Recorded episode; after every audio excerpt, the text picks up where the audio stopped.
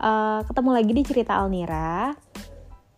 Makasih udah ngikutin cerita Alnira bagian satu tentang menikah. Nah ini bagian keduanya nih. Kalau bagian satu kemarin tuh sebenarnya cuma unek-unek aja. Ini bagian kedua nih gongnya nih. Yang bikin Alnira geram dan gemes banget pengen bikin podcast ini karena kayaknya makin ke sini tuh banyak komunitas-komunitas yang ngajakin orang untuk ya nikah muda ya. Kalau Alnira sendiri sih terserah ya. Kalau aku sih terserah teman-teman kalau emang udah siap fisik dan mentalnya ya. Terus juga um, apa ada uangnya itu kan hak masing-masing ya. Tapi gini kenapa sih uh, pemerintah sekarang tuh uh, ada revisi undang-undang tentang perempuan yang menikah? Waktu dulu kan aturannya 16 tahun sekarang tuh dinaikin jadi usia 19 tahun. Terus juga ada aturan wajib konseling sebelum menikah ya. Kalau dulu kan masih bisa diakal-akalin gak ikut konseling tapi sekarang harus ikut konseling gitu kan. Kenapa sih ada hal-hal seperti ini gitu kan? Nah uh, dari apa yang aku baca itu untuk menekan angka perceraian. Karena angka perceraian di Indonesia ini cukup tinggi ya. Apalagi kebanyakan itu yang cerai karena yang menikah muda gitu. Karena emosinya masih labil. Karena ya namanya umur belasan gitu kan. Sedangkan usia cukup cukup untuk menikah aja kayak 25 tahun ke atas aja masih labil kayak aku aku tuh anaknya masih suka labil gitu loh gitu kan kayak ya kalau Nira dewasa itu cuma pencitraan aja pencitraan Oke, okay, tapi ya itu kenyataannya seperti itu. Banyak usia-usia yang masih 16, 17 gitu kan masih labil ya. Makanya dinaikin jadi usia 19 tahun. Dan harapannya dengan dibikin konseling itu ya ada gambaran lah ke depannya bakal seperti apa. Karena uh, ini pengalaman aku ikut kelas pranikah ya. Ya diadakan sama hmm, uh, bukan dari pemerintahan sih aku tuh nggak tahu itu kelas apa karena waktu itu ya yang aku cerita di episode 1 itu karena diajak temenku kan aku pikir itu bakalan bahas tentang masalah ya apa yang akan dipersiapkan setelah sebelum menikah ya. Mental dari segi mental gimana dari segi finansial gimana gitu kan. Atau ilmu-ilmu parenting yang akan dibagi tapi ternyata tidak. Karena yang ditekankan dalam pembahasan itu dan yang di, di apa diucapkan oleh pembicara berulang-ulang kali adalah masalah tentang kalau nikah itu enak udah apa e, dapat pahala terus juga habisnya bisa pacaran pacaran halal bisa pegangan tangan tanpa takut dosa bahkan lebih uh, lebih dari pegangan tangan. Hehehe kata pembicaranya sambil ketawa terus audiensnya ikut ketawa. Terus aku yang cuma ngerutin kening gitu kan. Oh gitu. Dulu ya mikirnya oh mungkin lah ya gitu. Karena belum ada kepikiran juga mau nikah. Tapi kalau dipikir-pikir sekarang kok malah dianalogikan menikah adalah seks gitu loh. Sebatas itu kalau cuma yang dibahas itu. Karena uh, kema waktu itu kemarin jadinya waktu itu aku nggak nggak nggak dapat nggak dapat apa ya nggak dapat apa yang aku mau gitu loh. Yang aku uh, bayangkan tuh untuk aku dapat ilmu di sana tuh nggak dapet gitu loh. Ternyata cuma seperti itu gitu. Menekankan kalau ya uh, daripada pacaran lebih baik menikah sebenarnya kalau memang sudah siap lahir batin ya ya silakan gitu. Tidak ada yang menghalangi. Tapi gini uh, banyak yang aku mengamati ya mengamati ya suka belibet deh ngomongnya.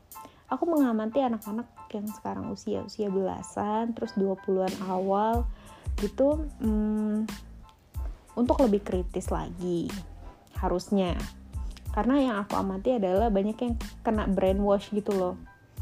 Dihianati sama cowoknya. Pertama kenal cowok dihianati terus uh, tiba-tiba langsung udah aku nggak mau pacaran lagi. Mau langsung nikah aja.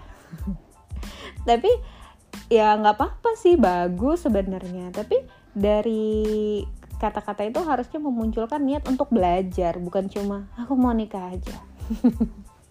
Bukan hanya seperti itu gitu. Tapi juga harusnya disertai dengan keinginan untuk gimana ya menikah itu apa sih yang harus dipersiapkan? Gitu. Tidak ada masalah kalau misalnya teman-teman mau menikah tapi yang jadi masalah adalah yang nggak punya bekal untuk ke depannya karena menikah itu buat aku kayak kita tuh naik kapal berdua nih sama pasangan dilepas di laut di lautan lepas gitu ya. Lautan antabarantah yang kita nggak pernah ada di situ gitu kan sebelumnya. Terus di situ ada paus di situ ada hiu dan hewan-hewan buas lainnya. Belum lagi ada badai belum lagi ombak yang tinggi. Terus kalau kita nggak tahu caranya nyetir itu kapal gimana caranya kita mau selamat? Ya kan? Nah gitu juga nikah kalau pikirannya cuma nge-sex doang iya iya iya iya ya, ya gimana? Makanya aku nggak nggak setuju kalau dengan eh, nggak uh, boleh pacaran ya udah nggak boleh pacaran gitu. Tapi jangan menjadikan gak boleh pacaran ya udah ini kamu udah aja. Itu bukan solusi gitu loh. Harusnya dikasih tahu ilmunya dikasih tahu uh, apa sih yang disiapin sebelum menikah hmm, masalah-masalah apa yang ada? Karena beneran DAD ya mungkin ada DAD yang di sini mendengarkan Alnira ngoceh. Nikah itu nggak semudah itu bukannya Alnira mau nakut-nakutin tapi beneran kita harus satu visi dengan pasangan. Tuh visinya apa visi misinya apa ke depannya terus juga masalah finansial. Ini yang paling banyak jadi masalah di rumah tangga. Finansial. Ya cuma di novel DAD ada cowok ganteng alim kaya raya datang mau sama upik abu. Yang tiba-tiba langsung ngelamar terus hidup bahagia. Kan udah aku bilang di episode satunya. Menikah? Ya nggak ya di kehidupan nyata ya nggak nggak nggak nggak gitu-gitu amat. Kalaupun ada itu seribu satu. Dan ya yang kaya alim terus ganteng juga milih-milih dong gitu. Jadi mending kalau sekarang tuh memperbaiki diri aja banyakin ilmunya gitu ya. Dari segi finansial aku baru belajar tuh.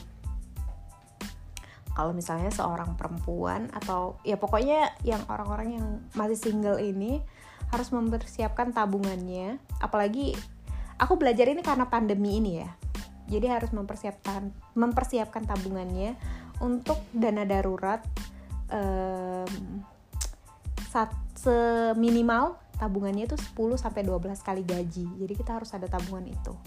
Gitu. Itu masalah finansial yang uh, receh banget maksudnya tuh kayak tahapan awal aja gitu udah ada belum tabungan 10 sampai 12 kali gaji kalau masih minta sama orang tua terus sudah kayak menikah berharap suami menghidupi apa nggak malu? Gitu loh. Memang kepala rumah tangga itu orang yang bakal memberikan nafkah. Tapi nggak ada salahnya kita sebagai perempuan juga uh, mencari atau ikut juga membantu kan gitu. Gitu loh. Jadi masalah finansial ini juga harus dipikirin banget. Terus nanti kalau udah menikah mau tinggal di mana? Apa mau tinggal di rumah orang tua selamanya atau ikut mertua atau mau nyewa kalau nyewa bayar uangnya dari mana? Kalau masih sama-sama kuliah sama-sama sekolah. Ya sama-sama sekolah pun pasti dikeluarin dari oh motor itu. Oke. Ya kalau sama-sama sekolah belum lulus sekolah tiba-tiba mau nikah nanti dikeluarin dong dari sekolahnya. Ya kan? Jadi coba kita harus berpikir hmm, cerdas berpikir ke depan terus nanti kalau punya anak anaknya mau dikasih makan apa? Oke makan. Makan mudah. Tapi kalau misalnya uh, anak tuh mau di sekolahin di mana nantinya? Gitu ya. Kasihan nanti anaknya kalau misalnya tidak dipikirkan dari sekarang. Tidak punya perencanaan apalagi tidak punya perencanaan keuangan. Ya kasihan. Kita loh yang kenanya karena kita punya tanggung jawab yang besar gitu loh. Oke teman-teman ini bakalan lanjut ke sesi episode 3 kayaknya. Panjang banget ya pembahasan masalah ini doang. Tapi nggak apa-apa. Nanti Alnira lanjutkan di episode 3 oke? Tadi sampai mana? Sampai anak-anak mau dikasih makan apa? Baik dadah